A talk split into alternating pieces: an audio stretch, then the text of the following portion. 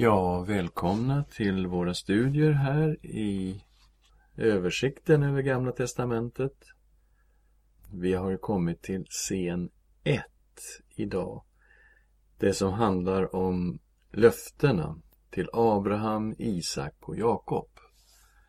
Låt oss börja med att be tillsammans. Tack Herre för att vi får stilla oss inför ditt ansikte. Tack Herre för att du är här efter ditt löfte. Och tack för ditt levande ord. Vi ber att du ska öppna våra sinnen, våra hjärtan. Att du skulle tala till oss ifrån ditt ord. I Jesu namn. Amen. Ja, förra gången så har vi då gått igenom inledningen, introduktionen kan vi säga till Bibeln och det är de första elva kapitlen. Det är en väldigt viktig del av Bibeln som hjälper oss att faktiskt förstå resten av Bibeln. Och vi kommer nu från kapitel 12 här och framåt det vi kallar för scen 1. Vi har ju delat in eh, Gamla Testamentet i scener, i, i epoker kan vi säga, centrerade kring vissa centrala händelser. Och eh, i scen 1 så har vi då löftena som Gud gav till Abraham, Isak och Jakob. Vi behöver titta lite på kartan här. Vi har ju den så kallade bördiga halvmånen som sträcker sig då från Mesopotamien, alltså dagens Irak, om vi börjar där nere. Så går vi norrut längs floderna Eufrat och Tigris. Och sen är vi då uppe i Syrien, dagens Syrien då. Och så ner i Kanans land, dagens Israel. Här gick ju den stora handelsvägarna. Just den här vägen från Mesopotamien upp i norr och sen ner eh, i Kanans land. Och det här var en väldigt bördig, en väldigt bördiga områden och därför kallas den för den bördiga halvmånen. Sen fortsatte ju handelsvägarna eh, vidare eh, västerut till supermakten Egypten som hade vuxit upp längs Nilfloden och som hade varit en supermakt under mycket, mycket lång tid innan Abraham överhuvudtaget fanns. Abraham då, han vandrade längs hela den här vägen. Han är ju, kom ju ursprungligen från Ur. Och Ur, staden Ur, låg nere i södra Irak, nära Basra. Och därifrån vandrade han upp längs hela den här bördiga halvmånen ända ner i Kanans land. Han bodde i tält, han hade väldigt många tjänare och flyttade då med stora kamel och fårjordar ungefär som en beduinhövding eh, kan man föreställa sig. Och eh, Guds frälsningsplan med en förlorad mänsklighet, hur Gud ska rädda världen. Den börjar här med Abram som han hette från början. Och Guds löften till honom. Och jag brukar säga så här att resten av hela bibeln kan läsas in i de första tre verserna av det tolfte kapitlet i första Mosebok. För här står Guds löften till Abram. Herren sa till Abram, gå ut från ditt land från din släkt och din fars hus och bege dig till det land som jag ska visa dig. Där ska jag göra dig till ett stort folk. Jag ska välsigna dig och göra ditt namn stort. Ja, du ska bli en välsignelse. Jag ska välsigna dem som välsignar dig och förbanna den som förbannar dig. I dig ska alla släkter på jorden bli välsignade. Och eh, här ligger alltså fantastiska löften som Gud gav till den här mannen. Han var 75 år gammal, han var gift med Sarai som då var ungefär 10 år yngre, 65 år gammal. när de utvandrade eh, på väg till Kanans land. Och eh, här ser vi Guds löften. Han lovade honom ett land. Han lovade Abraham att han skulle bli ett stort folk. Han lovade att hans namn eh, skulle bli jättestort och att han skulle bli välsignad. Och man undrar, har Gud hållit de här löftena nu då? Höll han de här löftena om landet? Ja, det vet vi i Bibeln att det gjorde han. Och att han blev ett stort folk, absolut. Att han skulle få ett stort namn, om man tänker på Abraham, han är en av de mest kända personerna i hela världshistorien. Eh, om man frågar någonstans i Sydamerika om de har hört talas om den här Abraham eller Nordamerika eller Afrika, absolut. Frågar man i hela den muslimska världen har de hört talas om Ibrahim, alla känner till Ibrahim. Så att han är en av de mest kända personerna i världshistorien och Gud sa du kommer att få ett stort namn. Men eh, det märkligaste med alla löftena är ändå det sista. Där Gud säger att alla släkter på jorden ska bli välsignade i Abraham. Och när vi sen läser vidare i Bibeln så ser vi att här ligger löftet om Messias. Kristus som skulle komma. Att det ska komma en ifrån Abraham och genom den här personen kommer Gud att välsigna alla släkten på jorden.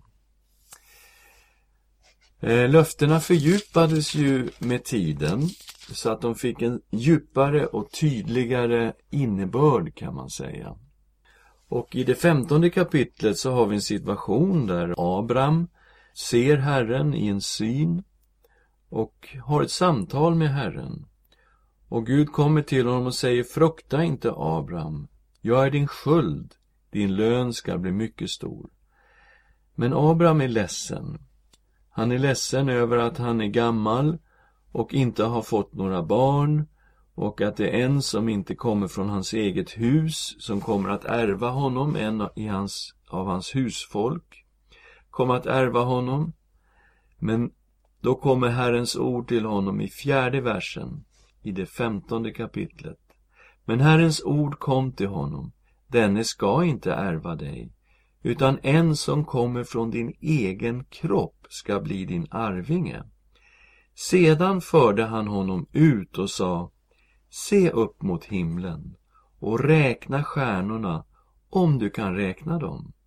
Och han sa till honom Så ska din avkomma bli.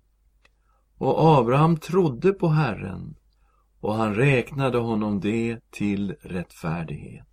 Alla som har levt i Mellanöstern där det är ett torrt ökenklimat de vet precis hur det ser ut när man tittar upp mot stjärnhimlen på natten. Att man ser stjärnorna från horisont till horisont och man ser Vintergatan med alla dessa oräkneliga stjärnor. Det går helt enkelt inte att räkna stjärnorna. Och Abraham fick alltså löftet att han kommer få så många barn att han inte själv kommer att kunna räkna dem. Och Abraham trodde på Guds löfte och det var det som räknades honom till rättfärdighet. Men eh, sen var det också detta med landet och Gud fortsätter och säger jag kommer att ge dig det här landet. Kanans land, du kommer att få det till arvedel. Och då säger Abraham, men hur ska jag väl kunna veta det? Kan jag på något sätt få en bekräftelse på att jag kommer att få ärva det här landet? Och då säger Gud till honom, hämta en treårig kviga, en treårig get, en treårig bagge, en turturduva och en ung duva. Och Abraham hämtade alla de här djuren, styckade dem mitt i tu och la styckena mitt emot varandra. Och det här är ett speciellt typ av offer som vi kan läsa om i Jeremia 34. Det är ett förbundsoffer. Jeremia 34, 18-20 står det om det här. Men det här var alltså inget eldsoffer på det sättet att det skulle, de här djurkropparna skulle eldas upp. Utan de skulle ligga där styckade i halvor mitt emot varandra. Och eh, de två parterna som ingick förbundet, de skulle gå igenom, emellan djurkropparna. Och vad, vad det här symboliserade, eller betydelsen av det här offret, det var att till slut så skulle vilda djur och fåglar komma och äta upp de här kropparna.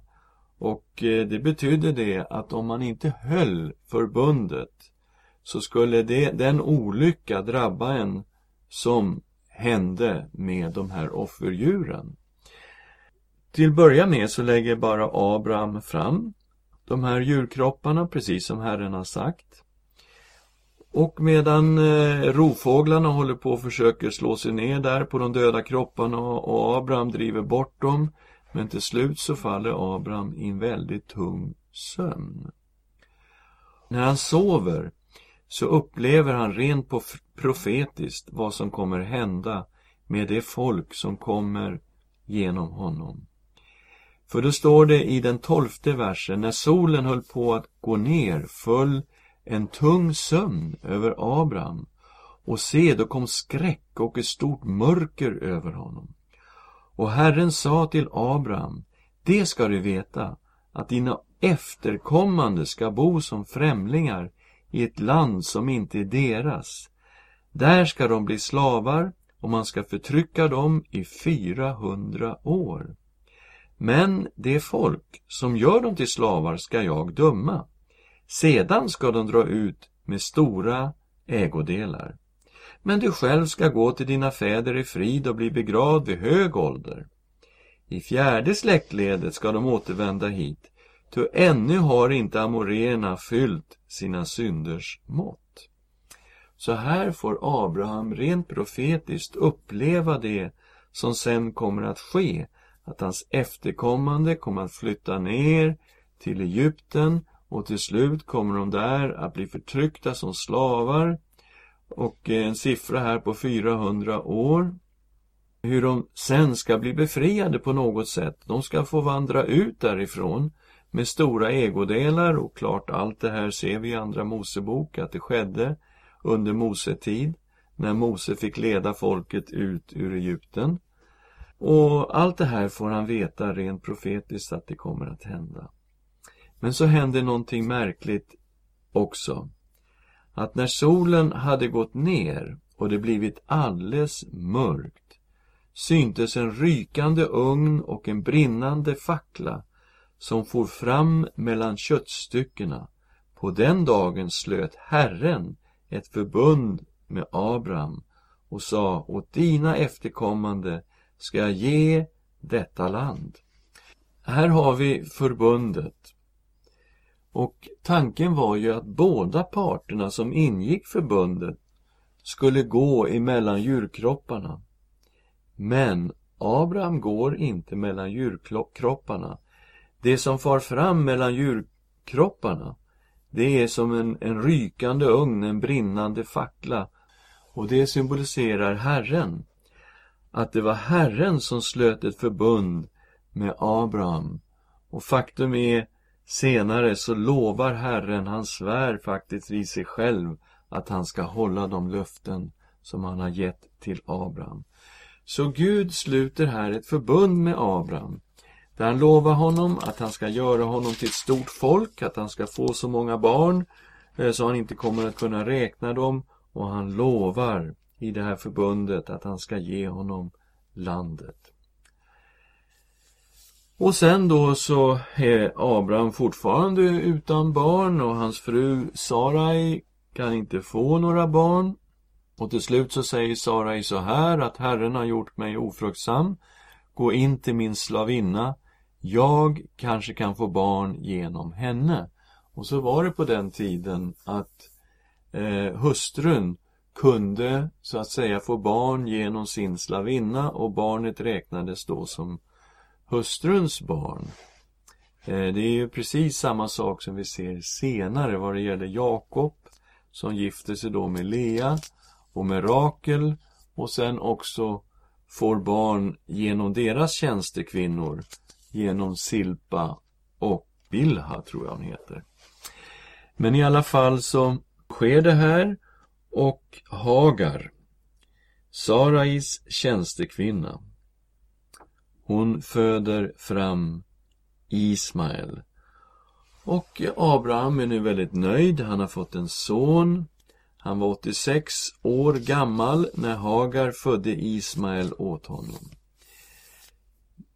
Men eh, ett antal år senare, när Abraham är 99 år gammal, då uppenbarar sig Herren igen för honom. Och han säger i det sjuttonde kapitlet, Jag är Gud den allsmäktige. Vandra inför mig och var fullkomlig.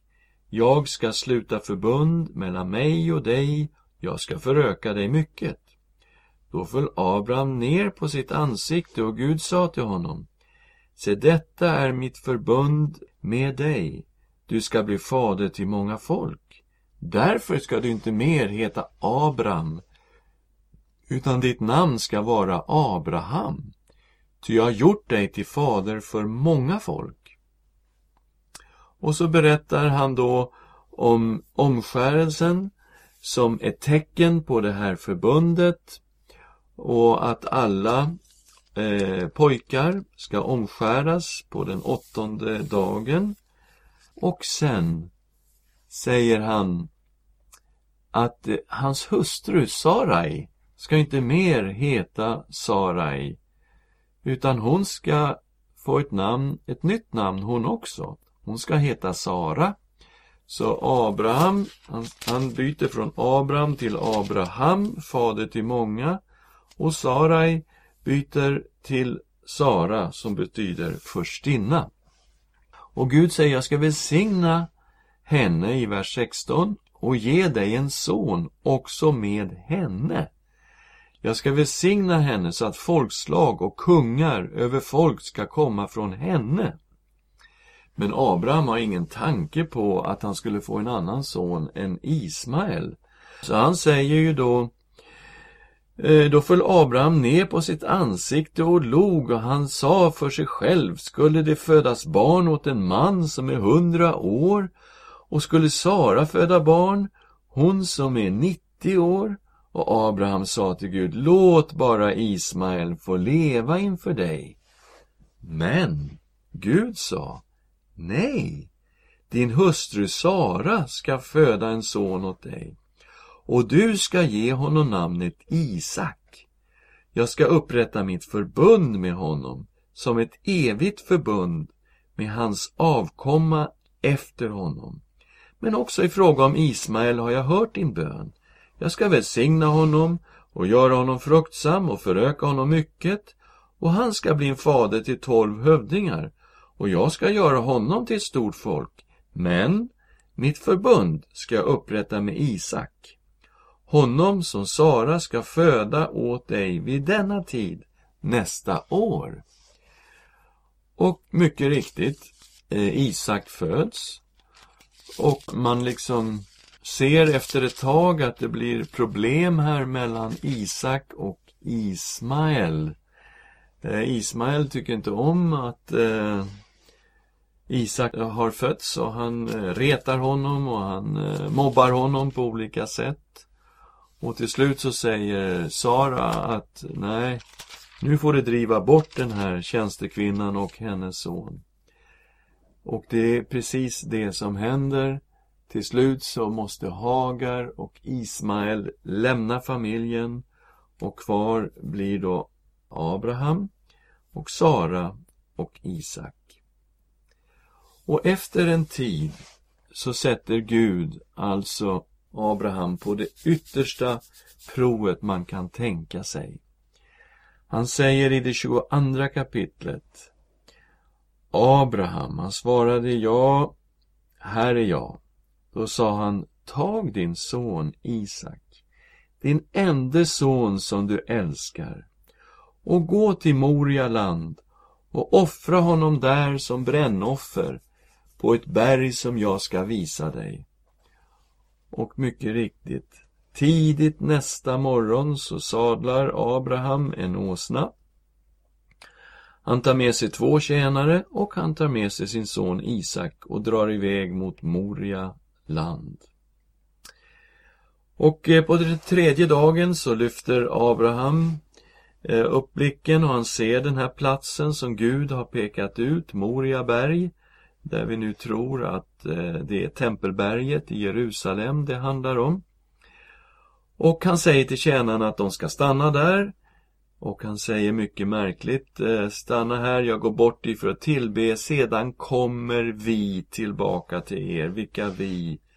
Det verkar som han har en tanke i alla fall att Gud har en lösning på det här till synes fullständigt olösliga problemet.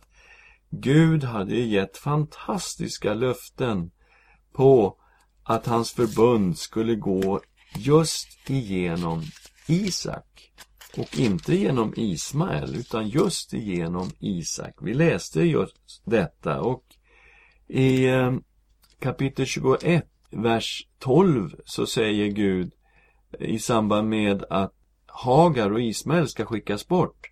Men Gud sa till Abraham, ta inte illa vid dig för pojkens och din slavinnas skull. Lyd Sara i allt hon säger till dig, ty det är genom Isak som du ska få din avkomma. Okej, okay, han bekräftar, det är genom Isak som avkomman ska komma.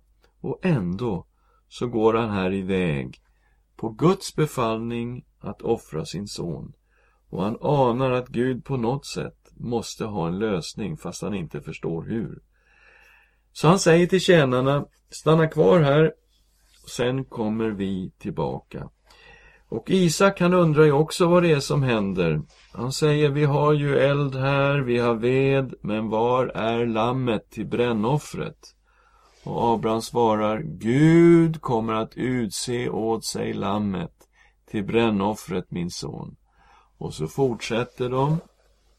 Och där på Moria berg så bygger han ett altare, gör i ordning veden, han binder sin son och han lägger honom uppe på veden. Han tar kniven för att slakta sin son. Då ropar Herrens ängel till honom. Abraham, Abraham, han svarade, här är jag. Och då sa han, lyft inte din hand mot pojken och gör honom ingenting. Nu vet jag att du fruktar Gud, då du inte ens har undanhållit mig din ende son. Och sen kommer, lite senare, talar Herren till Abraham i sextonde versen, där Gud lovar vid sig själv. Jag svär vid mig själv, säger Herren.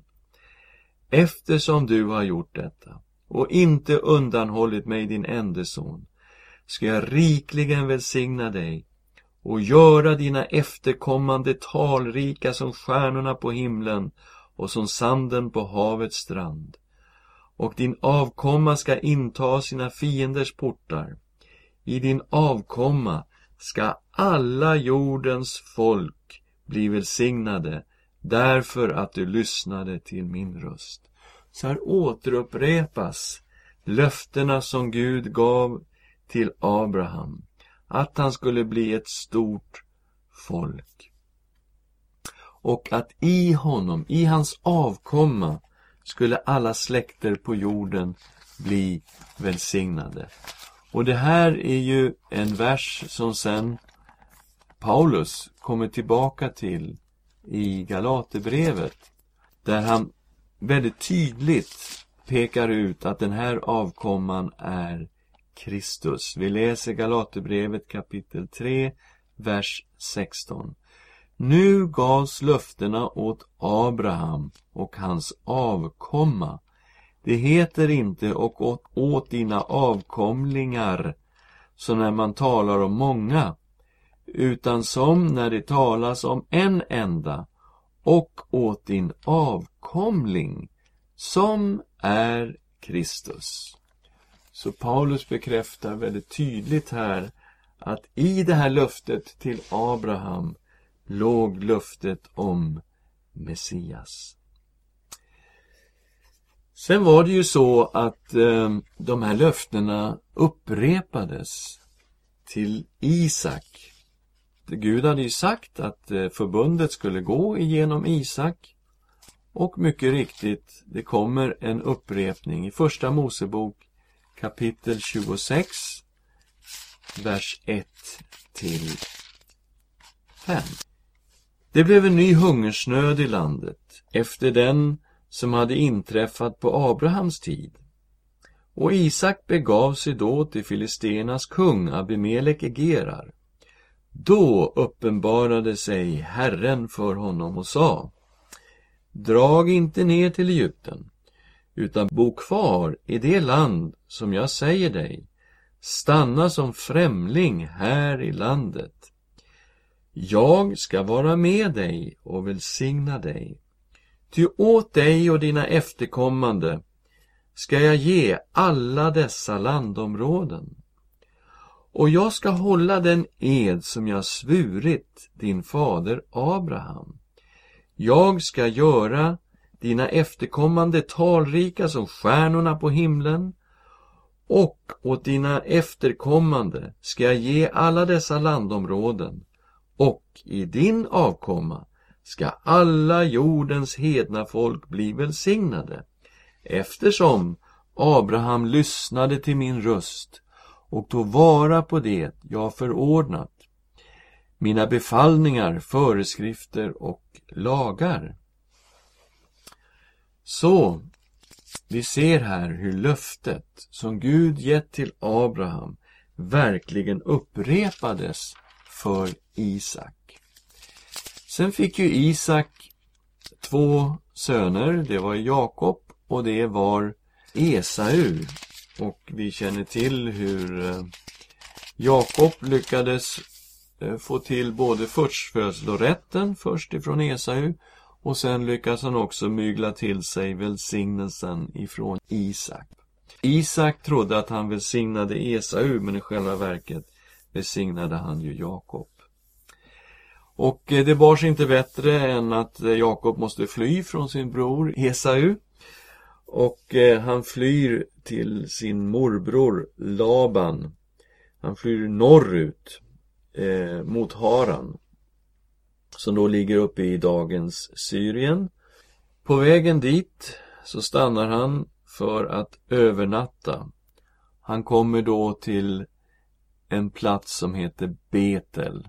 Och vi läser om hur Gud faktiskt upprepar Löftena som givits till Abraham och sen till Isak, de upprepar han nu till Jakob. Och vi läser ifrån det 28 kapitlets tionde vers. Jakob lämnade Bersheba och begav sig mot Haran. Han kom till en plats där han måste stanna över natten till solen hade gått ner. Och han tog en av stenarna på platsen för att ha under huvudet och la sig att sova. Då hade han en dröm. Han såg en stege vara rest på jorden. Den nådde ända upp till himlen och Guds änglar steg upp och ner på den. Och se, Herren stod ovanför den och sade Jag är Herren, din fader Abrahams Gud och Isaks Gud. Det land där du ligger ska jag ge åt dig och dina efterkommande. Din avkomma ska bli som stoftet på jorden och du ska utbreda dig åt väster och öster, norr och söder. Och genom dig och din avkomma ska alla folkslag på jorden bli välsignade. Och se, jag är med dig och ska bevara dig vart du än går och jag ska föra dig tillbaka till detta land. Jag ska inte överge dig in till dess att jag har gjort vad jag har lovat dig. Så här kommer löftena till Jakob. De löften som gavs till Abraham, sen till Isak samma löften ger alltså Gud till Jakob. Och eh, senare i Jakobs liv när han går tillbaka för att möta Esau och så vidare, då har han en brottningskamp med en man som visar sig vara en sorts uppenbarelse av Herren. Och eh, han får ett nytt namn. Hans namn blir Israel. och från honom kommer alltså Israels barn. I slutet av Jakobs liv, i slutet av Första Mosebok, så välsignar Jakob alla sina söner och han ger en väldigt speciell välsignelse till Juda. Det läser vi om i Första Mosebok kapitel 49 och vers 8. Juda, dig ska dina bröder prisa. Din hand ska vara på dina fienders nacke. Din fars söner ska buga sig för dig. Ett ungt lejon är Juda. Från rivet byte har du rest dig, min son. Han böjer sig och lägger sig ner som ett lejon, som en lejoninna. Vem får honom att resa sig? Spiran skall inte vika från Juda, inte härska staven från hans fötter, förrän han som den tillhör kommer och folken blir honom lydiga. Så, här har vi en väldigt intressant situation att just Juda får den här välsignelsen ifrån Jakob. Att hans fars söner ska buga sig inför Juda. Det här liknar ju den dröm som Josef fick, nämligen att hans bröder skulle buga sig inför honom. Men märkligt nog så tar Jakob innebörden i den här drömmen och han sätter den på Juda istället och säger att alla bröderna kommer att buga sig inför honom. Han ska vara som ett lejon. Lejon är då djurens konung. Och härifrån vi har uttrycket lejonet av Juda som sen återkommer i Uppenbarelseboken och syftar på Kristus. Och här har vi då spiran som inte ska vika från Juda, inte härska staven från hans fötter. Och det är alltså en kungaspira.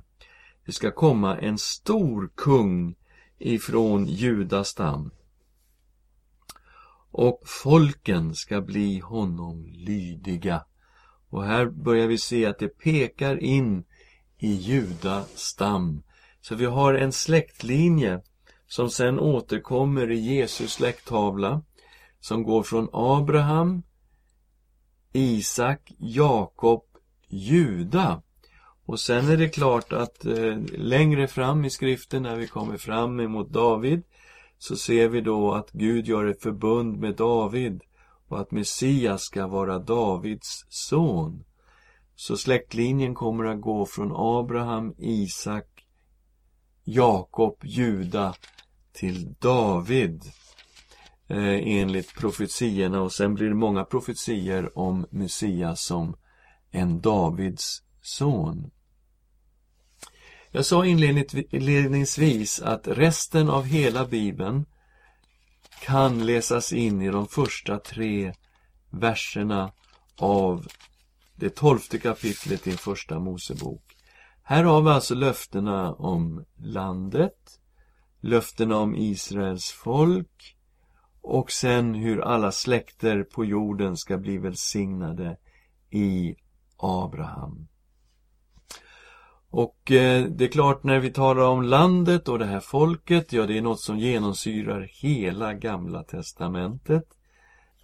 Och när vi kommer till i dig ska alla släkter på jorden bli välsignade, då är vi framme vid något som genomsyrar hela Nya testamentet.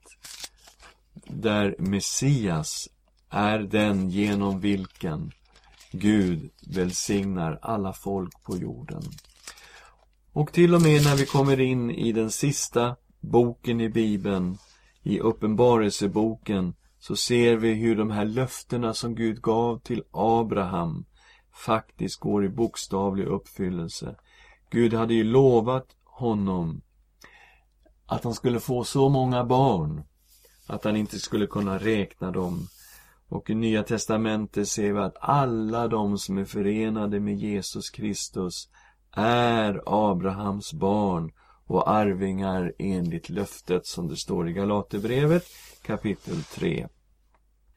Och i Uppenbarelseboken 7, vers 9, när vi tittar framåt så står det Därefter såg jag och se en stor skara som ingen kunde räkna av alla folkslag och stammar och länder och språk. De stod inför tronen och inför lammet klädda i vita kläder och med palmblad i händerna. Och de ropade med hög röst Frälsningen tillhör vår Gud, honom som sitter på tronen och lammet. Och alla änglar stod runt omkring tronen och kring de äldste och de fyra väsendena och de föll ner på sina ansikten inför tronen och tillbad Gud och sade Amen. Lovet och priset, visheten och tacksägelsen, äran, makten och väldet tillhör vår Gud i evigheternas evigheter. Amen. Så rakt igenom hela Bibeln, rakt in i framtiden, så har vi detta med de löften som Gud gav till Abraham. Det är där i ligger förbundet som Gud gör med, med Israels barn senare. Där i ligger förbundet som Gud gör med David senare och där i ligger också det nya förbundet i Jesus Kristus. Allt detta ligger inbakat i löftena som Gud gav till Abraham. Ska vi tacka Herren tillsammans. Tack Herre för dina löften. Herre, det du lovade Abraham, det har du stått vid. Att i Abraham skulle alla folk på jorden bli välsignade. Och att alla de här löftena har fått sitt ja och sitt amen i Jesus Kristus. Amen.